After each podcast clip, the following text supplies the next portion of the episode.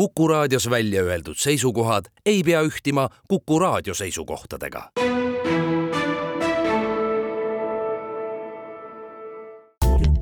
tähendused, teejuhid.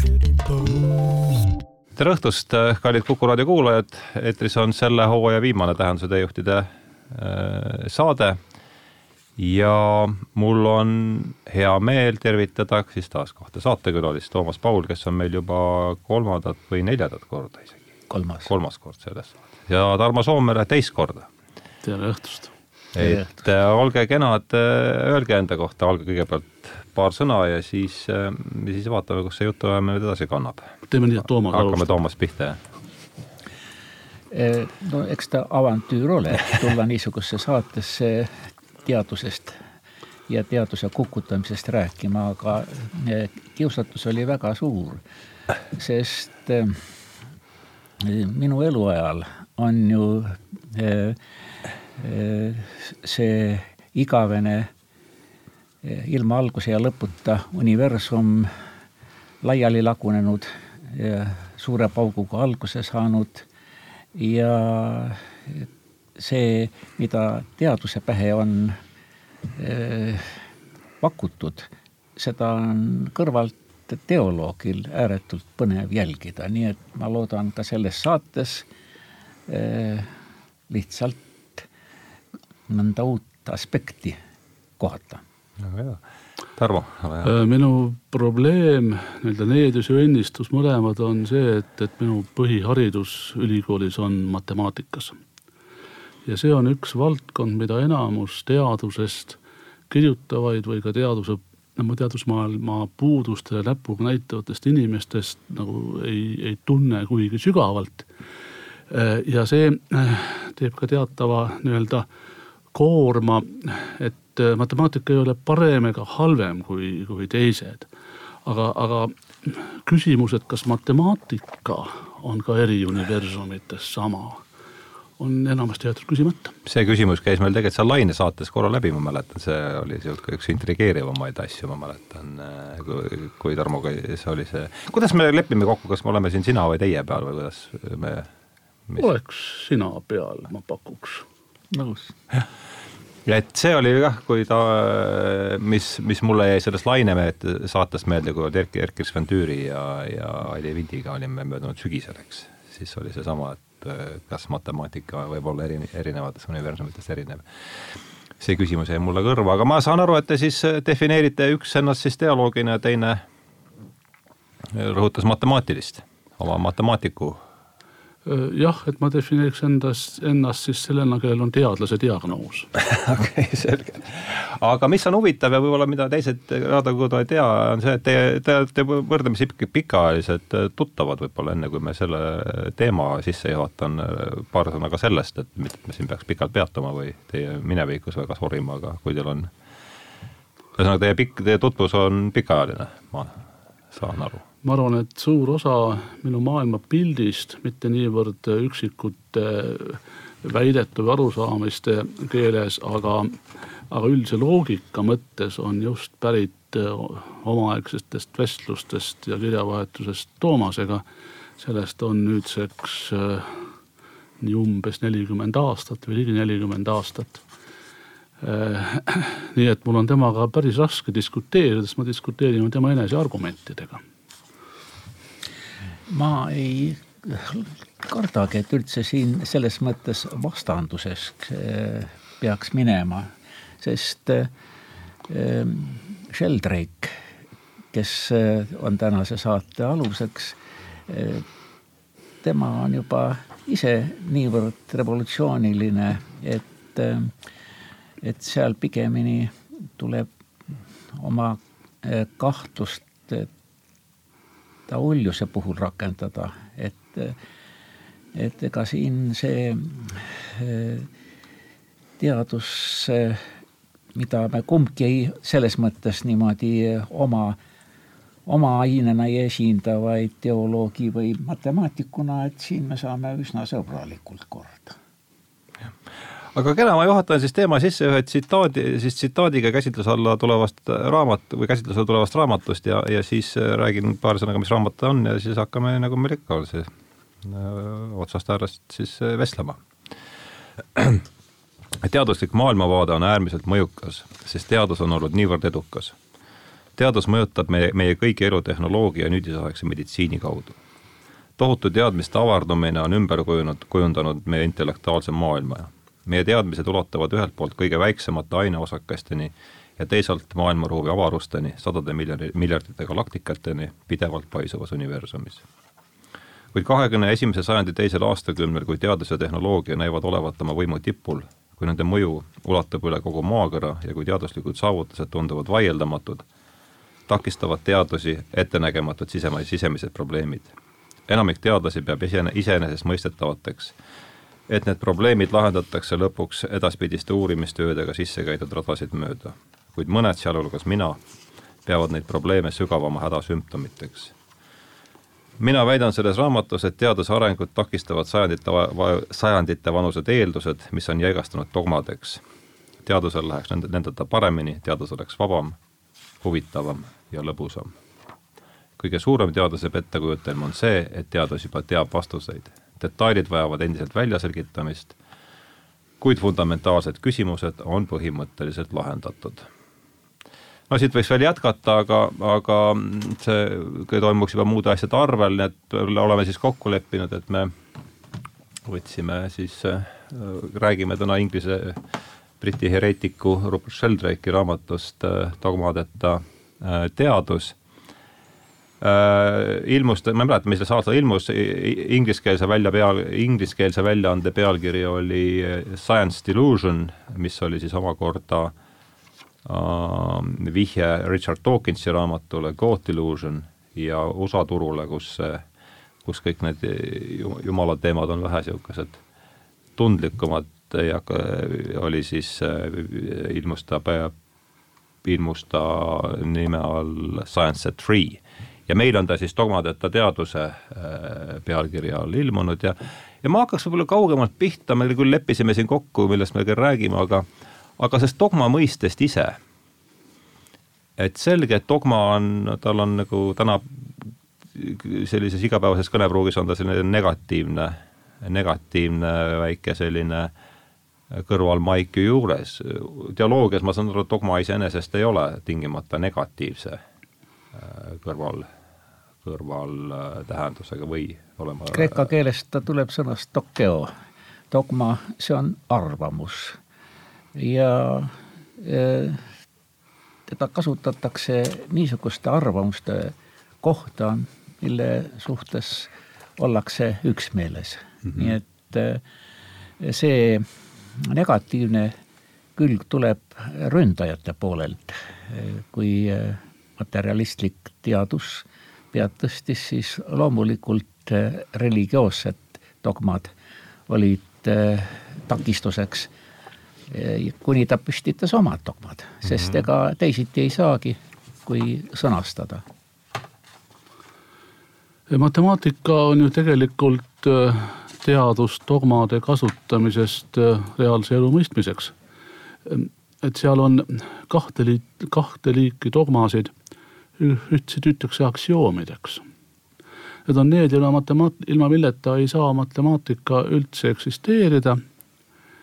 ja teine eh, liik dogmasid eh, on natukene paindlikum ja, ja nii-öelda mehhanismi dogma, see on loogika. et matemaatika põhivalem on aegusest, aegade algusest olnud eh, selline, mis hõlmab kahte sõna, kui mingi aksiom, aksiom on tõene, siis on tõene ka järgmine väide. et sellist matemaatikat, eh, mis tugineks eh, universumi konstantidele eh, või, või saaks hakkama ilma eeldusteta, on endale raske ette kujutada. nii et matemaatikute maailmas on dogma üks asi, millega töötatakse, ta on teie nimi ja matemaatikute maailmas äh, üks asi, mida ei ole äh, küsimuse alla seotud, seatud, see on see, kas loogikareeglid kehtivad mm. -hmm. et kui loogikareeglid ei kehti, kui enam kahest lausest kolmandat järeldada ei saa, siis me oleme vist päris tõsise probleemi ees võimalik, et peaks küsima, et kas loogikareeglid on universaalsed, kas nad saavad kehtida ka siis, kui universumit alles ei oleks. Et kordustabeli osas on ju äh, arvutiteadlased teinud ju katseid, et kui tuli omane välja Pentium viis, siis kaks korda kaks oli ligikaudu neli.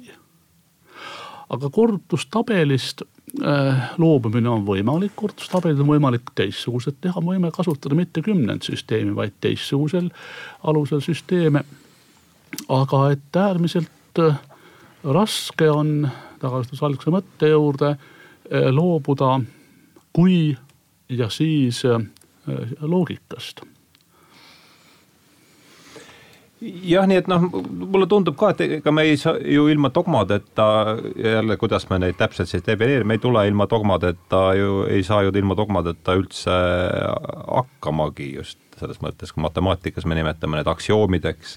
Ja siin on ka sõnastus selline, et teaduse arengut takistavad sajandite valused, valused e,, takistavad sajandite vanused eeldused, mis on jäigastunud dogmadeks, et et ma mm, mm, noh, me ei saa ilmselgelt, eks, maailma iga päev endale uuesti avastada ja, ja tõenäoliselt on mõistlik äh, Äh, mingites asjades kokku leppida veidi pikemaks ajaks ka kui nädalaks ja, ja võib-olla aastaks ja viieks aastaks, eks, aga aga kuhu ma tahan sellega jõuda, et kus see äh, mõtiskleda ja kutsuda teid mõtisklema selle üle, et mil-, millise, millise sagedusega me peaksime mingeid, kas me üldse peaksime äh, mingeid dogmasid ümber vaatama, kas ja kui, siis millise sagedusega ja, ja, ja noh, veel kord, et äh, isegi ei oska praegu selget sõna, küsimust selgelt sõnastada, aga pigem teema nagu ära,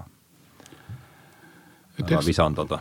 et eks me pigem räägime arusaamisest, arusaamistest äh, ja äh, faktidest, mis saavad meil ilmseks alguses katselise kontrolli näol, aga ikkagi äh, meile mingis mõttes tajutavas, tajutavas maailmas, on tajutava suurusega äh, tajutava kiirusega liikuvad ja meile tajutavas ajas eksisteerivad objektid.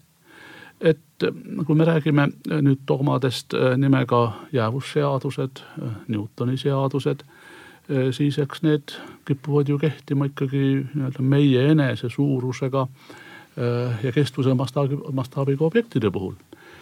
ja enamasti on maailmas nõnda, et Äh, need seadused või reeglid, mida me oleme tuvastanud, nad kehtivad teatavas kindlas määramispiirkonnas, uuesti kindlas suuruste, äh, kestvuse ja kiiruste ruumis. et kui me läheme hästi suurte kiiruste juurde, siis tuleb mängu relatiivistlik mehaanika, mis on Äh, Newtoni mehaanika üldistus natukene keerukamale juhule.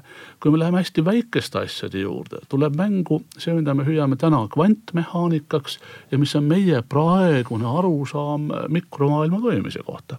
kui me läheme tohutu suurte mastaapide ja, ja hästi pika aja juurde, siis me põrkame kokku universumi kui tervikuga ja, ja miski ei ütle või miski ei sunni universumit kui tervikut käituma nii, nagu käitub maa peal olev, olev ökosüsteem. selleks ei ole mitte mingit vajadust eeldada, et universum tervikuna käitub nii, nagu meie tuba siin mm. -hmm. dogmad, nende vajalikkus, ümbervaatamise, optimaalne äh, ümbervaatamise sagedus? Teil tuleb vist äh, vastates mõelda sellele, kes peaks ümber sõnastama. kui seda igaüks hakkaks tegema, siis on sellega nii nagu nende eh, kiriku dogmadega, et võib ju iseendale usu teha. ja seda ka tehakse, aga see reeglina on palju primitiivsem ja vähem rahuldav kui see, mis on ajaproovis settinud. ja see tähendab, et ka siis, kui Sheldrake äh, läheb äh, üsna äh, osavalt ja raevukalt kallale, siis ta osalt tögab ju ikkagi siin Dawkinsit, et see on nõnda, et tema, kes on tegelik uurija, bioloog saab seda ise oma kogemustest lähtudes ja asja sügavuti mm, analüüsides teha meie eest, nii et tema kiiluveest tuleb eh, ka dogmade, vanade dogmade vastu ehk minna. tähendused, teejuhid nojah, aga vaatamegi siin ja see on tõepoolest, tegemist on siis äh, Robert Sheldrake, kes on äh, bio, bioloogia tausta, bioloogi taustaga ja seetõttu võib-olla ei olegi üllatav, et see kõige esimene äh, dogma ja, ja oleme siis noh, veel kord see sõna tingimata ei, ma ei, ei paneks sellele dogmale sellist negatiivset lipikut külge, sest nagu me just rääkisime, et ilma nendeta me ka kuidagi läbi ei saa aga, aga võtame seda neutraalselt ja esimene dogma või esimene küsimus on siis see, et loodus on mehaaniline. räägime sellest nüüd võib-olla siis jär, jär, poole tunnikese vältel, et et kas, Tarmo, kas see kas see üldse on, võib-olla ta siin rapsib üldse õlg, õlg, õlgmehikesega, et kas tänapäeva teadlased peavad, kas täna, tänapäeval peetakse teadust üldse mehaaniliseks ja ja on see õigustatud selle nagu dogma esimesena väljatoomine?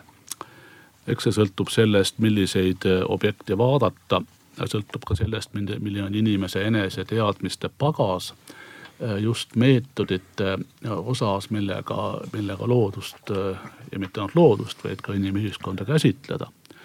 et kui me tegeleme näiteks lihtsalt väikese arvu kehade liikumisega meie päikesesüsteemiga, et siis on lihtne jääda mehhanistlikule tasemele. aga ka siis selgub, et äh, üsna varsti, kui sügavamale minna, et tegelikult planeetide liikumine ümber päikese ei ole ju stabiilne. et nii mitme keha probleem on selline, äh, kus me ei saa eeldada, et pika, et meie päikesesüsteem püsiks täpselt sellisena pikka aega, midagi ei ole parata. see, et ta on püsinud pikka aega sellisena, nagu ta on, on mingis mõttes anomaalia et sellest momendist hakkab, hakkab äh, nii-öelda süvenevale inimesele tekkima arusaam, et äh, mehaaniline ja mehhanitsistlik lähenemine on äh, nii-öelda kindlalt piiritletud. meil on äärmiselt palju situatsioone, kus sellega ei ole mitte midagi teha, ilma prognoos näiteks. Selline lihtne asi nagu, nagu vee voolamine, mis on saanud klassikaliseks näiteks et meie praegu olemasolevatel võrranditel vee voolamise kohta on ühene lahend ainult teatava kindla ajavahemiku jooksul. pärast seda ei saa me ka teoreetiliselt teada, kuhu veemolekul läheb. aga vesi voolab ikka lõbusalt allamäge, mere, mereni välja ja kunagi sealt aurub jälle. et äh, kui niimoodi vaadata suurt hulka asju ja eriti keerukaid süsteeme, kus on palju komponente, siis saab üsna kiiresti selgeks, äh, et mehaaniline lähenemine on äärmiselt piiratud. ta on piiratud meie jälle tavasuuruses objektidega, mida on vähe.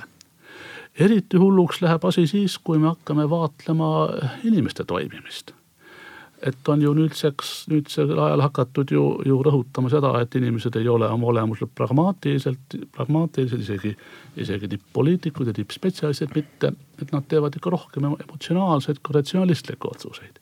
see selleks, aga et mis saab siis, kui suhtleb omavahel väga suur arv inimesi, kuidas käitub terve kogukond, selle kohta pole isegi teooriat veel olemas.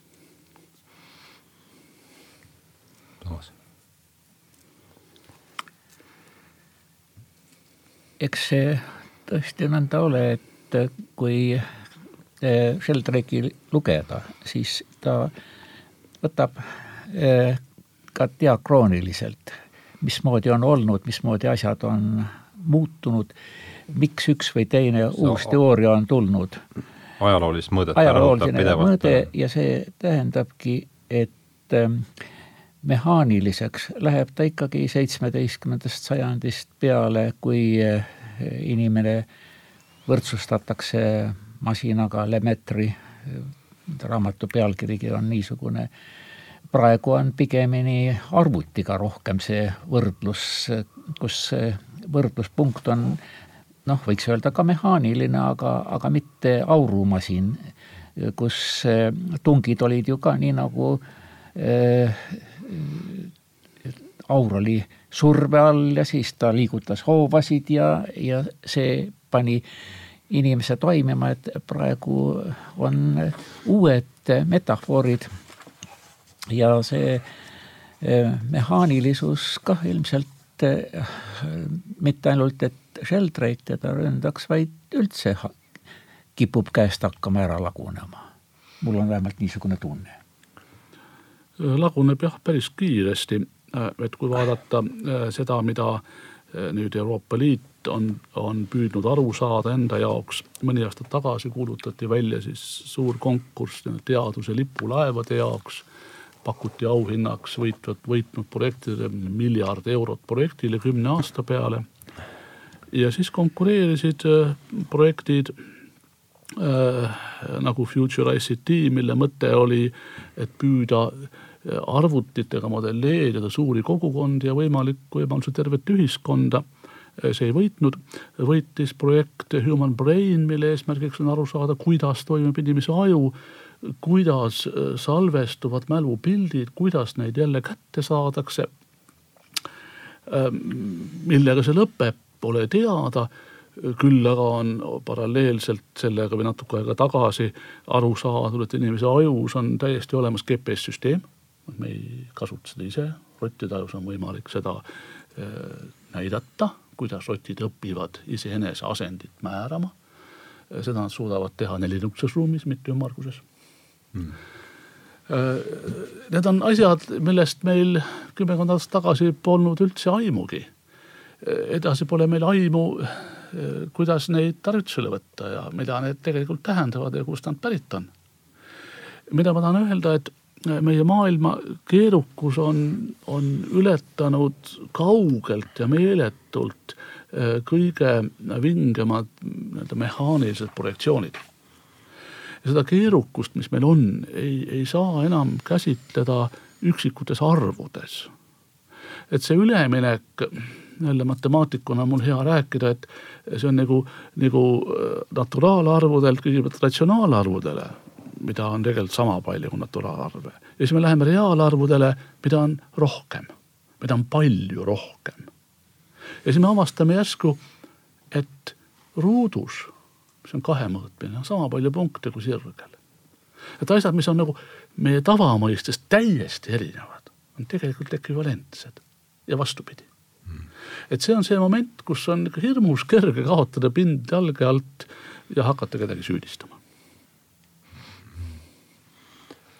Nojah, no süüdistamisest ma ei tea, jah, see on muidugi, ütleme, kui pind on jalge alt hakkab liikuma, siis on jah, ikka kõikvõimalikud süüdistused on, äh, seda me jah, vist äh, seda me näeme kummatigi tegelikult sellel aja, sellel epohhil, kui üldse moodne teadus ju tekib, siis kui ütleme, Descartes'i võib ju pidada mingis mõttes ikkagi ususõdade äh, lapseks, eks, et ma, see avald-, avas minu silmad, et see kuulus nägemus, millal tal see oli, see siis kümnes november kuus tuhat üheksateist, et ta oli palgasõdur sel ajal ja ootas äh, rünnakukäsku kusagil, kas ma ei mäleta täpselt, kus, et see tema äh, Descartesi nägemus ja sealt see välja kasv, kasvav see uus dogma, millest siis selles raamatus on juttu, et see, mul ei olnud küll plaanis sellest praegu rääkida, aga, aga noh, vestlus on oma loogika, et et see, see pidi pai-, andma siis kolmanda tee sealt kahe vahelt protestantide ja protestantide ja katoliiklaste äh, taplusest, mis selleks, no okei okay,, see mitte selleks ajaks, siis ta just al-, sai, oli alguse saanud, aga mis kolmkümmend aastat hiljem oli võtnud äh, vähemalt poole Saksamaa rahvastikust, äh, oli läinud dogma, uue dogma otsingul äh, loojakarja, et et kuivõrd selle, kuivõrd seda, kui nüüd me vaatame, Toomas, sa rõhutasid seda, just seda ajaloolise, ajaloolist poolt siin. Ja et, et võib-olla võtaks siit veel natuke kinni kus, kus me, kus me oleme, kus me oleme seitsmeteistkümnenda sajandi alguseks üldse oma, oma, oma, oma asjadega? Eh, kindlasti erinev on see, et tema uskus veel loojat ja loomist. aga igal juhul ta tahtis seda mehhanismi mõista lähemalt ja siit ka siis äh, need püüdlused ja mingil kombel on teelahe Descartesi puhul see, et kuidas panna kokku teadvus ja mateeria ja tema esindab dualismi. et äh, vaim on midagi kardinaalselt erinevat, mis just nagu ülendaks siis inimest, sest äh, loomadel ta äh, seda ei tunnistanud üldse ja noh, ei tea, kas see õige on, aga vähemalt olevat nõudnud, et peab suutma koera lüüa, et üldse tema juurde tulla. laborisse saaks. jah, aga no nii või teisiti see homunculus, mis peaks olema just nagu selle vaimu esindaja kuskil siin meil kolba sees, seda ju saab lõputult aina edasi väiksemaks ja väiksemaks ja ta ei lahenda ära seda probleemi, kuidas mateeria ja teadvus mõlemad olemas saavad olla. kas nad on siis nüüd täiesti erinevad või siis nii nagu Ruprecht siin ütleb, et teadvus palju alamal tasemel on kogu loodule omane. et niisugust jäika üleminekut ei ole, vaid on ainult kvalitatiivne vahe. kvantitatiivne. see, see kvantitatiivne vahe, et meil teadaolevalt on teda inimesel kõige rohkem, aga et kõigil ise organiseeruvatel ollustel kuni molekulideni välja või kristallideni, rääkimata siis taimedest ja loomadest ja sel korral see Descartesi probleem ja see dualism on selliste, sellise lähenemisega ikkagi lahendatud. nojah, panpsühhism tundub, et on olevat üks, üks viis selle kartesiaanliku dualismi ületamiseks, aga aga, aga Tarmo eelmisest märkusest üldse läks ja jutt sinna Descartesi peale, et et räägikski, kuidas, kuidas sina näed tema, tema rolli selles, selle praeguse üldse noh, ütleme selle, selle suure ilmanägemise süsteemi tekkes, mida me nimetame tänapäeva teaduseks ja mis on andnud meile kõik, noh, kõik need eks ta on panustanud ju mõttelukku mitmete huvitavate argumentidega, mida Toomas siin mainis. et me kasutame tegelikult Descartesi pärandit ju lausa iga päev, igal pool, tema, tema nii-öelda käte all sündis juristkoordinaadistik. just. et see, et me saame maailma kvantifitseerida vähese arvu arvudega. et need arvud on omavahel võrreldavad, me saame punktile panna koordinaadid. selle kaudu tekib meetrika. Selle kaudu tekib võimalus äh, arvutada, mitte mõõta, vaid, vaid arvutada vahemaid. hinnata, kus paiknevad, olgu siis matemaatilised, geomeetrilised objektid või ka riigid mingitel telgedel. ja, ja meetrika olemasolu või meetrika olemasolu tajumine või sisseviimine, ma pigem ütleksin avastamine on äh, see, mis on äh, aluseks, ma ütleksin praegu umbes veerandile kogu matemaatikast. Tähendused, teejuhid. küsiks lõpetuseks, ei pea sealt ilmtingimata kohe ära tormama, aga et Tarmo, mis sina arvad, kas looduse raamat on kirjutatud matemaatika keeles? Ähm, keel kui selline on inimeste looming ja me ju teame, kui meeletult palju on erinevatel täitsa printsiipidel põhinevaid keeli, erinevatel häälikusüsteemidel põhinevaid keeli, meie ju räägime välja, aga on ka olemas ju keeli, mis nagu sissehingamise pealt peaaegu et, et räägivad rääkimata sellest, kui erinevad on grammatilised struktuurid ja, ja kuidas eri keeltes mõnda asja ei saagi öelda no Eskimo keeles on üle viiekümne sõna lume jaoks ja, ja äh, Aafrika keeltes pole ühtegi sõna lume jaoks. et äh, matemaatikakeel tundub olevat universaalne ja mulle väga meeldib uskuda, et see ongi universaalne keel.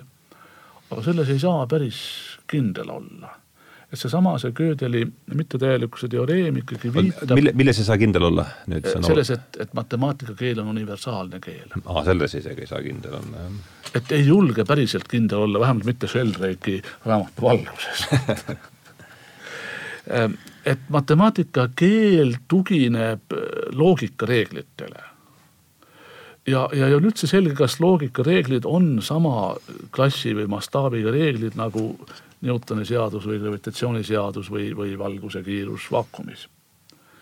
et ehm, see on minu meelest just see on selline fundamentaalne küsimus, et kas loogikareeglid eksisteeriksid inimesest sõltumatult või mitte mingis mõttes on, on maru hea, et, et Gödel oma teoreemi tõestas. see näitas, et inimkeel, ka inimkeel on, on, ei saa iial olla perfektne Mm -hmm. ükski seaduste süsteem ei saa iial olla perfektne. ehk teisisõnu, kõik, mida inimesed püüavad formaliseerida, ei saa olla perfektne ja lõpetatud. no mis siis? See on äärmiselt tõsine sõnum inimkonnale. no arvan, see on väga tõsine sõnum. kui loogikakeel on universaalne kogu universumis ja multiuniversumi teooriate puhul ka teistes universumites, siis on sellega meie universumi struktuuris pandud inimese mõtlemisele mingi äärmiselt tõsine piirang mm. -hmm. ja samal ajal väljakutse teha vahet selle vahel, kas seda sisukat lauset saab tõestada või mitte. Tõsi küll, Gödeli teoreem oli konstruktiivne, ta näitas, kuidas konstrueerida seda lauset mm. -hmm. või väide. no teooria ütleb ka seda, mis on ük, üks niisugune edasiarendus on sealt see, et kui me hakkame midagi tegema, seesama formaliseerimine, võtame mingi printsiibi endale tegevuse aluseks ja üritame sellega sõita niimoodi pikalt ühes suunas, siis me jõuame välja absurdi, kas mitte. on sama põhimõtteliselt. põhimõtteliselt sama, eks ole. sama jah, aga ma tahan uuesti rõhutada seda, seda meile tuntud universumi äh, struktuuri omadusi, et me ei saa tulevikku ette näha üle teatava rajajoone, ka teoreetiliselt mitte sest me ei tea, kuhu vesi voolab, ega saa kunagi teada. selles veemudeli kontekstis. ütleb meie praegune, ka, ka õhk mis, mis iganes, mis, mis allub Navier-Stokesi võrranditele, mis on, mis on Newtoni seadused üles kirjutatud pideva keskkonna jaoks. kuidas need olid Newtoni Na? Navier-Stokesi võrrandid mm, -hmm. need on mhm. Newtoni seadus üles kirjutatud pideva keskkonna jaoks mm. -hmm. Et ja nüüd siis selgub, et mitte ainult tuleviku prognoosimine ei ole võimatu, vaid ka võimatu on luua perfektset mõtlemise süsteemi. sest alati saab leida väite, mille kohta me ei saa midagi öelda. ja see on tõestatud tal? see on tõestatud mm. -hmm. lühike tõestus, mida ma nägin oma õppimise ajal, oli raamat umbes kolmsada lehekülge. Ja, ja sellised ja populaarsed, poolpopulaarsed tõestused on nelikümmend, viiskümmend lehekülge. see on väga sügav matemaatika, mis seal taga on tõeliselt geniaalne mm,. nii et veel kord siis oma, oma olemasolevate paremate loogiliste teadmiste põhjal on Gödel tõestanud teoreemi, mis ütleb seda, et igas formaalses loogikasüsteemis leidub alati selline sisukas väide, mida ei ole võimalik selle süsteemi raames ei tõestada ega ümber lükata. ehk eesti keeles öeldud, keegi pole perfektne ja kasulik meelde pidada, meelde tuletada. ja, ja see, ja see on, äh, see on see on matemaatiline tõestus ja ma tulen uuesti tagasi selle mõtte juurde, et, et me oleme möödunud sajandil nende asjade kaudu õppinud tohutult palju juurde eh, selle kohta, millised on meie mõtlemisele, inimkonnale eksisteerivad piirangud universumis. ma ei ütle, et nad on seatud, nad lihtsalt eksisteerivad, me hakkame neid alles tasapisi tunnetama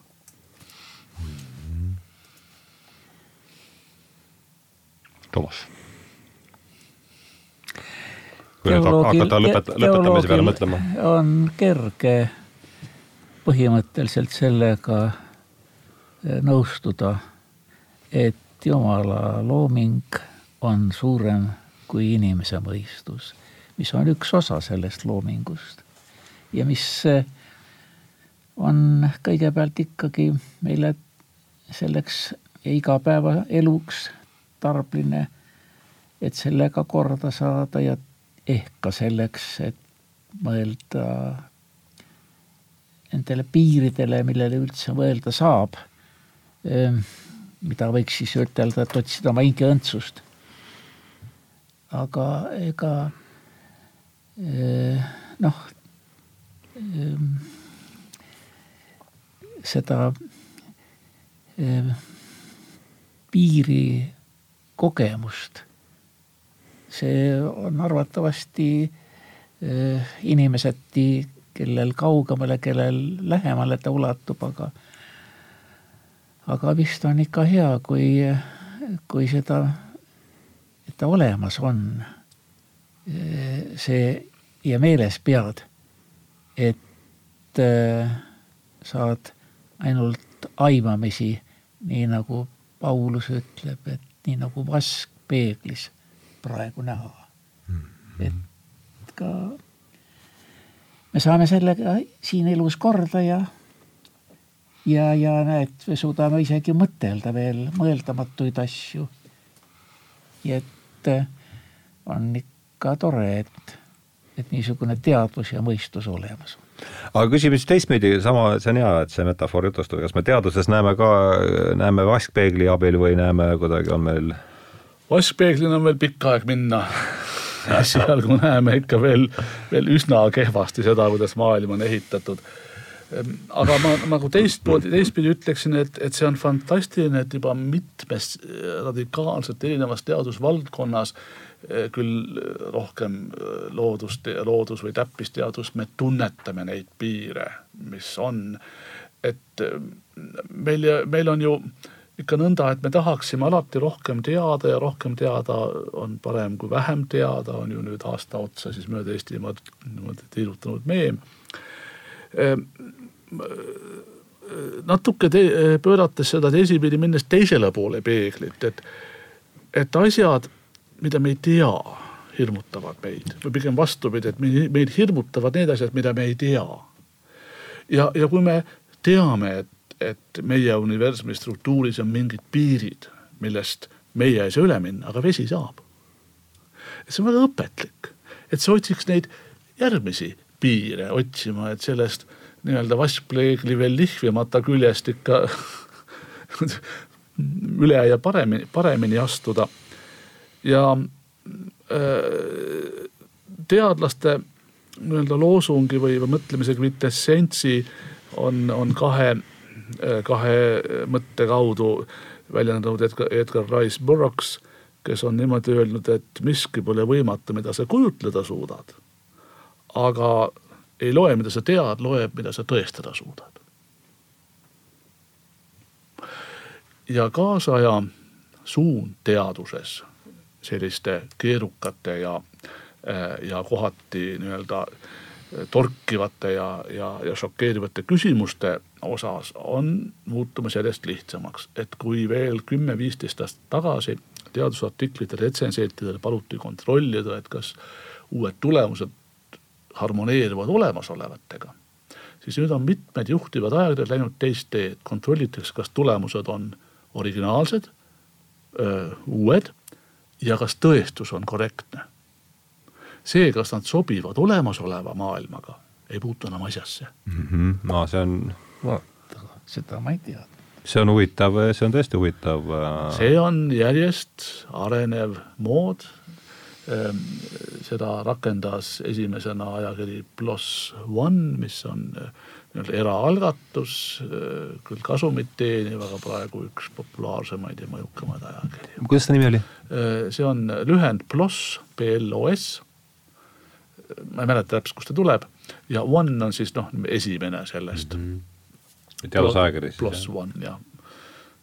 seal, see on, seda tsiteeritakse palju, ta on, ta on mõjukas ja nemad ainult kontrollivad, kas tõestus on adekvaatne, kas see argument, mis sa ütled, kas see tegelikult ka järeldub su andmetest.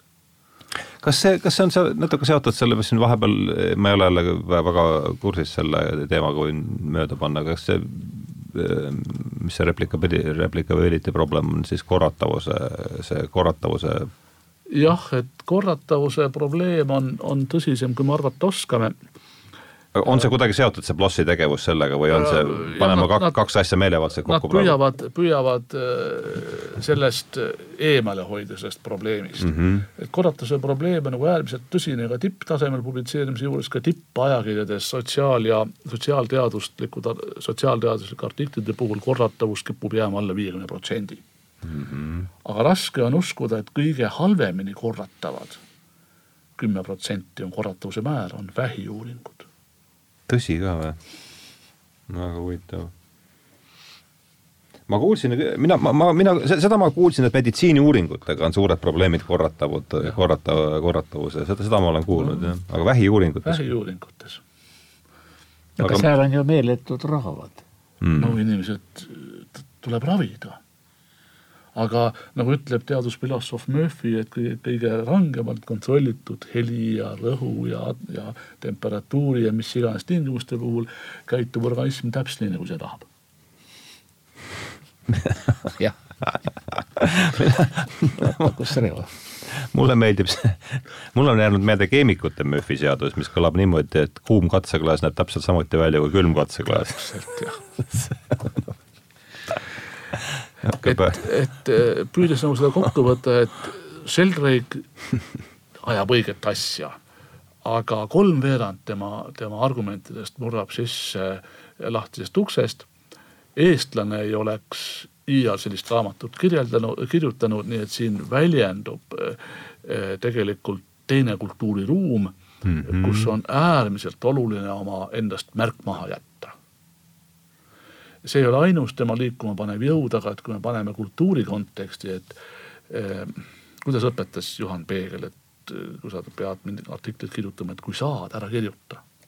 kirjuta alles siis, kui sa ei saa kirjutamata jätta. nojah, aga vot kas seal, ma ei tea, kas sa, Tarmo, oled sellega kursis, kui ta selle, võib-olla see natuke selgitab seda, mul õnnestub võib natuke rohkem selle teemaga, et kui see ilmus tal see raamat, mille ta, kus ta selle morfilise resonantsi teooria välja käis, siis kirjutas ajakirja Nature toimetaja ja ütles, et see, see raamat väärib ärapõletamist ja nendel samadel põhjustel, millega, millega siis Galileo märk äh, mõistis hukka või tähendab, millega paavst mõis-, mõistis hulka, mõistis hukka Galileo nimelt äh, ketserluse pärast.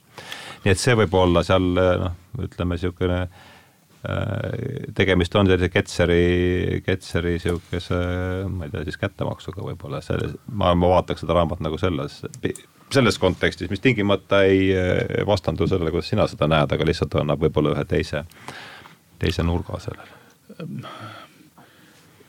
see on võib-olla laiem ka filosoofiline, ma sunnin kogu aeg Toomast vait olema, et et kui me natuke pöörame Toomale ei paista selle vastu midagi olevat. pöörame seda ja, ja, ja et nii-öelda projitseerime selle situatsiooni teaduse kui terviku arengust, projitseerime, projitseerime ühe riigi arengu peale siis on, siis on ju asi niimoodi, et riigid tekivad suurmeeste ja suurnaiste tööst. aga riigi hoidmist ei saa rajada erandite peale. No see on just. ja sama lugu on ka teadusmaailmas, et revolutsioonilised ideed tekivad suurmeestest, suurnaistest. aga ühiskonnale vajalikud asjad loovad nii-öelda regulaarteadlased no täpselt see jutt, mida ma enne rääkisin. just sellest kirikuõpetajat. täpselt just, et üks on need originaalid, loovad, kellel on tõepoolest midagi uut ütelda ja ülejäänud, kes peavad üleval hoidma. no selle kohta on ju ilus lause see, et midagi ei sünni ilma indi, üksikindiviidita ja midagi ei säili ilma institutsioonideta, ma arvan, et see võtab nagu selle päris kenasti. see on see, täpselt analoogia. täpselt selle asja kokku. et taolisi inimesi, taolisi raamatuid on kindlasti tarvis. kui me, kui toetuda evolutsiooniõpetuse dogmale, siis selleks, et evolutsioon oleks võimalik, peab olema arvamuste spekter. kui me lõikame ära arvamuste spektri mõlemad otsad, siis me määrame inimkonna kui, inimese kui liigi hävingule mm.. me ei tea, milline arvamus on õige tulevikus. meie praeguste arvamuste raskuskese peegeldab mineviku tingimusi, ütleksin evolutsioonibioloog. aga kui meil ei ole praegu eriarvamusi ja radikaalseid eriarvamusi, siis me elame ilma tulevikuta. Jah ma arvan, et see võtab päris hästi kokku selle ja ma arvan, mis, oled sa, Toomas, nõus selle, selle väitega? kena, et me jõudsime siin lõpuks äh, ühisele, ühisele täitsa elegantselt sõnastatud ühisarvamusele ja juba sellepärast see näitab, et kaks tundi ei ole kulutatud asjata. on teil veel midagi kokkuvõtteks lisada? ei? Tarmo? Kõik sai öeldud. minu meelest ka ja järeldus missugune ja ja praeguses olukorras üldse veel eriti oluline, ma leian. nii et äh, eetris oli siis selle hooaja viimane Tähenduse teejuhtide saade, järjekorras on ta meil viiskümmend juba seal, ma ei tea, viis, neli, viis äh, või kusagil viiskümmend viis võib-olla isegi. ja no mu külalisteks olid siis Tarmo Soomere ja Toomas Paul, tänan teid tulemast, rääkisime Rupert Sheldrake'i raamatust äh, Dogmadeta teadus ja sealt ütleme niimoodi, et Jutumehe tõukus sealt ja kandus ta igale, igale poole mujale ja loodetavasti minul oli põnev ja hariv, loodetavasti on see kuulajad, kuulajatelgi samamoodi, et head suve ja tänan teid tulemast. tähendused, teejuhid